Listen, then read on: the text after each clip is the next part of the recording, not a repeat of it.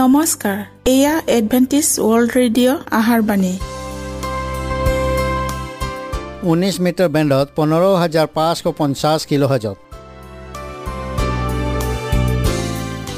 Adventist world radio যোগে অসমীয়া ভাষাত প্ৰচাৰিত আহাৰবাণী প্ৰত্যেক বুধবাৰ আৰু দেওবাৰ সন্ধিয়া সাত বজাত আহাৰবাণী শুনাৰ পিছত আপোনালোকৰ কিবা মন্তব্য আৰু প্ৰশ্ন থাকিলে আমালৈ এই ঠিকনাত লিখক। আমাৰ ঠিকনাটি হৈছে Adventist world radio' seven day Adventist মণ্ডলী অসম শাখা লতাকাটা বশিষ্ট গুৱাহাটী সাত আঠ এক শূন্য দুই ন।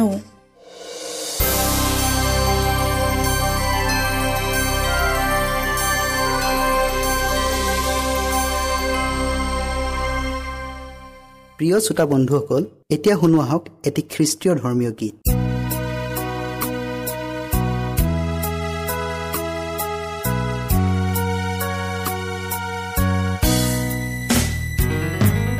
নতুন পৃথিৱী নতুন দিন নতুন সপোন দেখিবলৈ দিলা। নতুন পৃথিৱী নতুন দিন নতুন সপোন দেখিবলৈ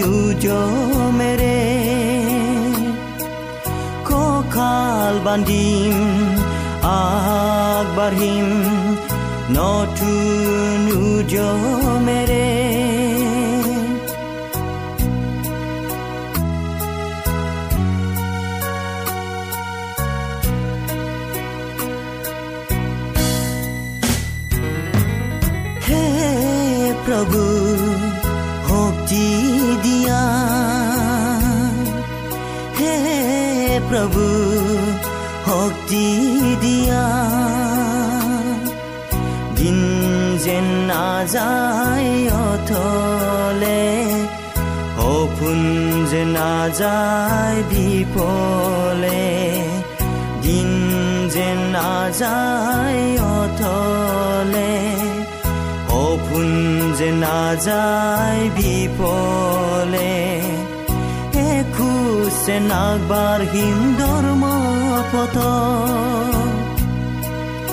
এখোজে নাগবাঢ়িম ধৰ্ম পথ শক্তি দিয়া প্ৰভু শক্তি দিয়া দিন নাযায় অথলে শক্তি দিয়া প্ৰভু শক্তি দিয়া। দিন যে নাযায় অথলে নতুন পৃথিৱী নতুন দিন নতুন সপোন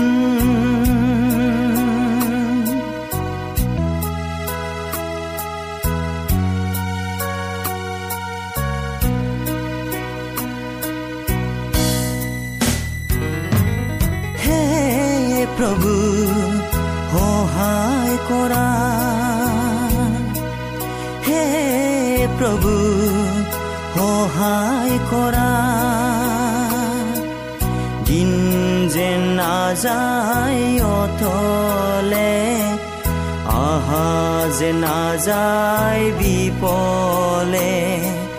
দিন যেন নাযায় অথলে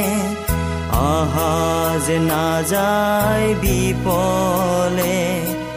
এখোজে নাগবাঢ়িম ধৰ্ম পতন। এখোজে নাগবাঢ়িম ধৰ্ম পতন। সহায় কৰা প্ৰভু সহায় কৰা দিন যে নাযায় অথলে। সহায় কৰা প্ৰভু সহায় কৰা।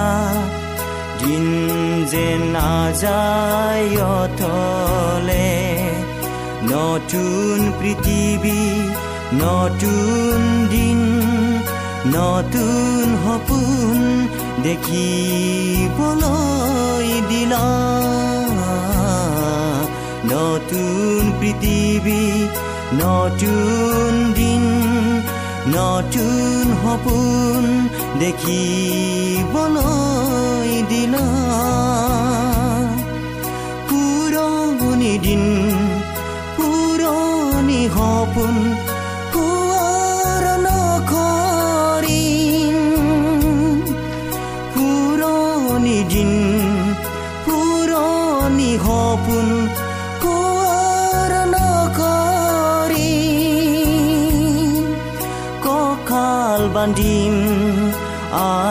আগবাঢ়িম নতুন উদ্যমেৰে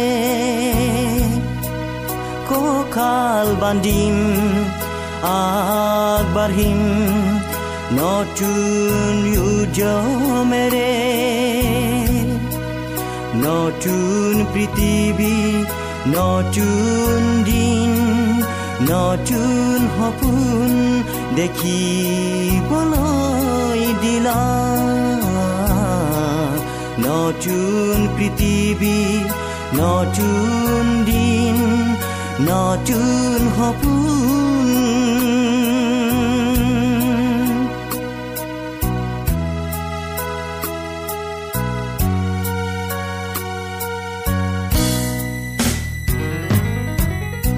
প্ৰিয় শ্ৰোতা বন্ধুসকল আহক আমি খন্তেক সময় বাইবেল অধ্যয়ন কৰোঁ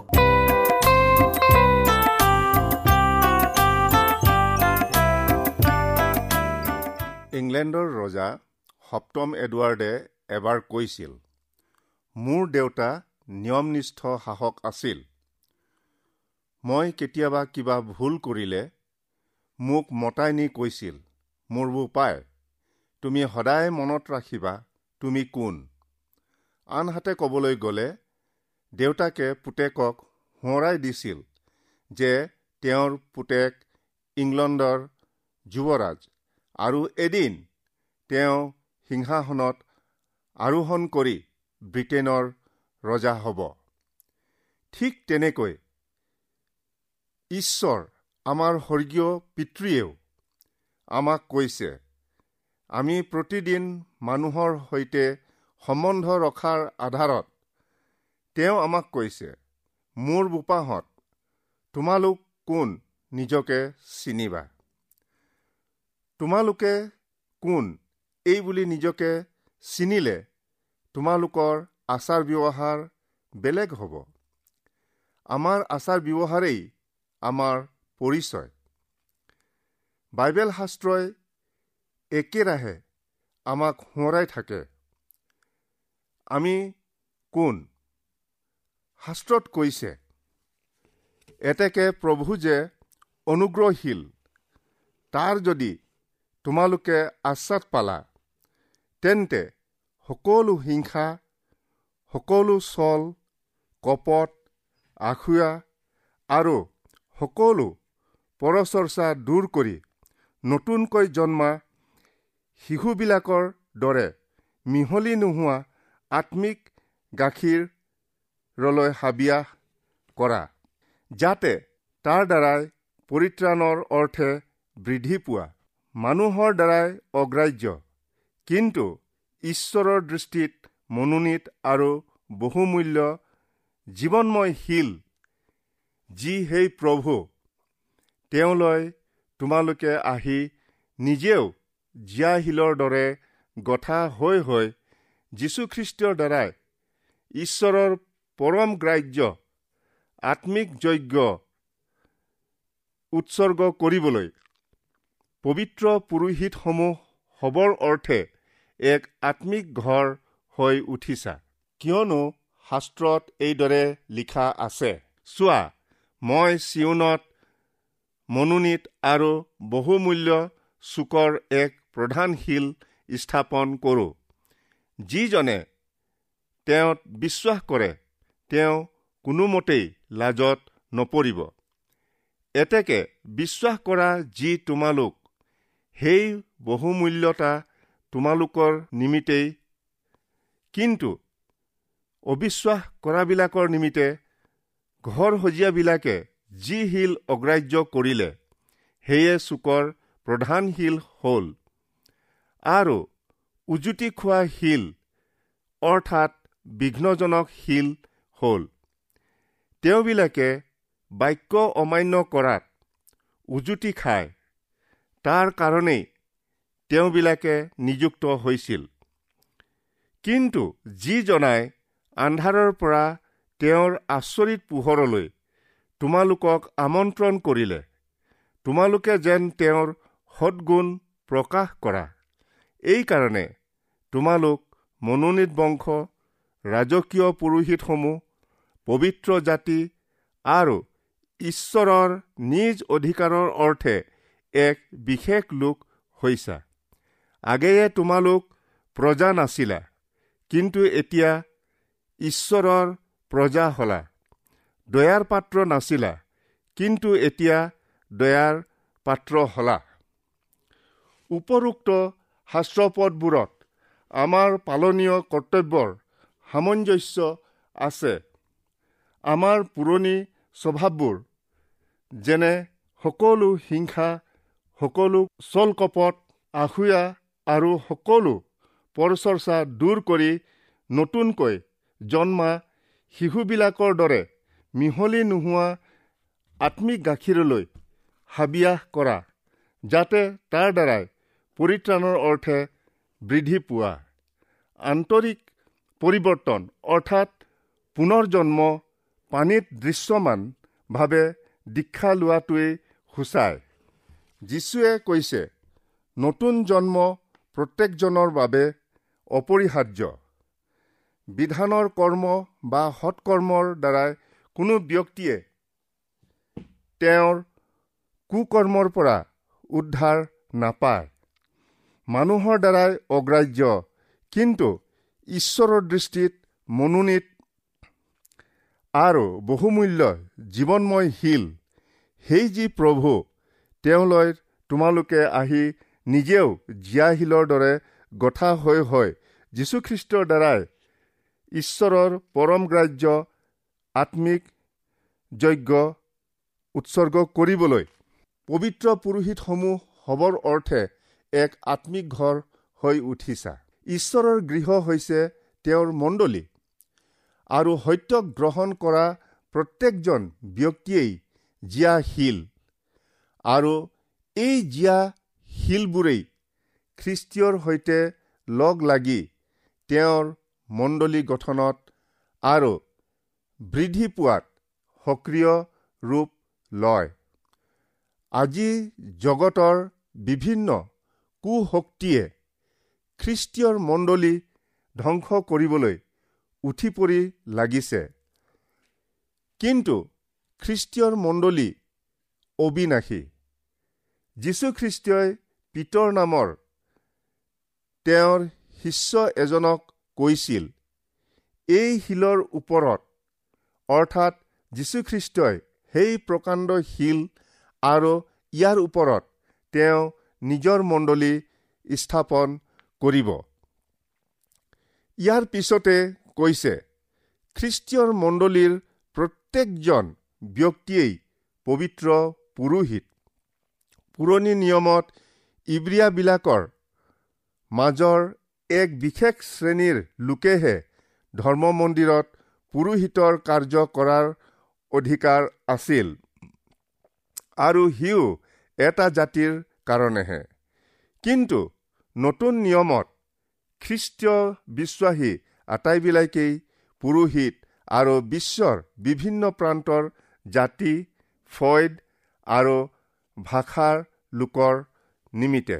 এইকাৰণেই তোমালোক মনোনীত বংশ ৰাজকীয় পুৰোহিতসমূহ পবিত্ৰ জাতি আৰু ঈশ্বৰৰ নিজ অধিকাৰৰ অৰ্থে এক বিশেষ লোক হৈছা। এই খণ্ড বাক্যটো নতুনকৈ আৱিষ্কাৰ কৰা বিষয় নহয়। পুৰণি নিয়মৰেই ই এটা উদ্ধৃত বাক্য। নতুন নিয়মত খ্ৰীষ্টীয় মণ্ডলীক বুজাবলৈ ব্যৱহাৰ কৰা হৈছে। ঈশ্বৰে কিয় আমাক তেওঁৰ নিজা লোক বুলি মনোনীত কৰিলে? পক্ষপাত কৰি নহয়। কিন্তু আমি যেন আনৰ আগত তেওঁৰ সাক্ষ্য প্ৰদান কৰিব পাৰোঁ। সেই উদ্দেশ্যৰেহে আমন্ত্ৰণ কৰিলে। সেই উদ্দেশ্যত আমাৰ তিনিটা বিশেষ অধিকাৰ নিহিত হৈ আছে। প্ৰথমতে আমি ঈশ্বৰৰ লোক। দ্বিতীয়তে আমি ঈশ্বৰৰ দয়া আৰু অনুগ্ৰহ পোৱা লোক। আৰু তৃতীয়তে আমি ঈশ্বৰৰ জ্যোতিত থকা লোক। তেওঁ আকৌ কৈছে আগেয়ে তোমালোক প্ৰজা নাছিলা কিন্তু এতিয়া ঈশ্বৰৰ প্ৰজা হলা। দয়াৰ পাত্ৰ নাছিলা কিন্তু এতিয়া দয়াৰ পাত্ৰ হলা। কোনো ঠাইতে বিচ্ছিন্নবাদীসকলৰ বসবাস কৰা আইনসংগত অধিকাৰ নাই। তেওঁবিলাকৰ নাগৰিক স্বত্বাধিকাৰ নাই। নিৰ্বাসিত লোকৰ নিজা ঘৰ বাৰী নাই। ঈশ্বৰ বিশ্বাসী লোকবিলাক এই পৃথিৱীত বিচ্ছিন্নবাদী আৰু নিৰ্বাহিত লোকৰ দৰে। তথাপিও এই বিচ্ছিন্নবাদ আৰু নিৰ্বাসন। ঈশ্বৰ বিশ্বাসী লোকবিলাকৰ কাৰণে ক্ষয়নিস্থায়ী হলেও ঈশ্বৰৰ ৰাজ্যত চিৰস্থায়ী ঘৰ আছে। যীশুৱে কৈছে মোৰ পিতৃৰ ঘৰত অনেক থকা ঠাই আছে। নোহোৱা হলে তোমালোকক কলোহেঁতেন। কিয়নো মই তোমালোকলৈ ঠাই যুগুত কৰিবলৈ যাওঁ। আৰু মই তোমালোকলৈ যদি ঠাই যুগুত কৰোগৈ তেন্তে মই যি ঠাইত থাকোঁ তোমালোকো সেই ঠাইতে যেন থাকিবলৈ পাবা। এই নিমিত্তে মই আকৌ আহি তোমালোকক মোৰ ওচৰলৈ লৈ যাম। শাস্ত্ৰৰ আন এঠাইত কৈছে কিয়নো আমি জানো যে আমাৰ এই তম্বুৰূপ পাৰ্থিৱ ঘৰ যদি ভগ্ন হয় তেন্তে বিনাহাতে সজা ঈশ্বৰৰ পৰা হোৱা এক অনন্তকলীয়া ঘৰ সৰ্গত আছে। ঈশ্বৰে তেওঁৰ বিশ্বাসী লোকবিলাকে জগতত থকা কালত কেনে আচৰণ কৰিব লাগে তাৰ এক সূচনা জাৰি কৰিছে। জীৱাত্মাৰ বিৰুদ্ধে যুদ্ধ কৰা মাংসিক অভিলাষৰ পৰা পৃথকে থকা আৰু পৰজাতিবিলাকে যি বিষয়ত দুষ্কৰ্মকাৰী বুলি তোমালোকৰ বিৰুদ্ধে কথা কয় সেই বিষয়ত তেওঁবিলাকে তোমালোকৰ সৎকৰ্ম দেখি ঈশ্বৰৰ স্তুতি কৰে এই কাৰণে তোমালোকৰ আচাৰ ব্যৱহাৰ উত্তম হওক। তোমালোকে প্ৰভুৰ নিমিত্তে মনুষ্য স্থাপিত সকলো ৰীতিৰ বশীভূত হোৱা। অৰ্থাৎ ৰজাক সকলোৰে ওপৰ বুলি আৰু দেহাধিপতিসকল দুষ্কৰ্মকাৰীবিলাকৰ প্ৰতিকাৰৰ আৰু সৎকৰ্মকাৰীবিলাকৰ প্ৰশংসাৰ অৰ্থে তেওঁৰ দ্বাৰাই পঠোৱা হৈছে বুলি তেওঁলোকৰ বহীভূত হোৱা। কিয়নো তোমালোকে সৎকৰ্ম কৰি কৰি যেন নিৰ্বোধ মানুহবিলাকৰ অজ্ঞানতাক নিৰুত্তৰ কৰা ঈশ্বৰৰ এই ইচ্ছা। তোমালোকে স্বাধীন লোকৰ দৰে হোৱা। কিন্তু সেই স্বাধীনতাক দুষ্টতাৰ ঢাকনি নকৰিবা বৰং ঈশ্বৰৰ দাহবিলাকৰ দৰে হোৱা। সকলোকে সমাদৰ কৰা। ভাই মাত্ৰকেই প্ৰেম কৰা ঈশ্বৰলৈ ভয় ৰাখা ৰজাক সমাদৰ কৰা।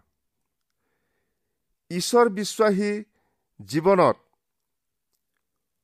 অসফল হোৱাৰ মূল কাৰণ হ'ল আমি কোন তাক পাহৰি যাওঁ। যীশুৱে আমালোকক লোন আৰু পোহৰৰ লগত তুলনা কৰিছে। এতেকে আমি কোন? ইয়াক জানি ঈশ্বৰৰ ৰাজ্যৰ বৃদ্ধিৰ অৰ্থে কাৰ্য কৰিবলৈ আগবাঢ়ি যাওঁ হওক।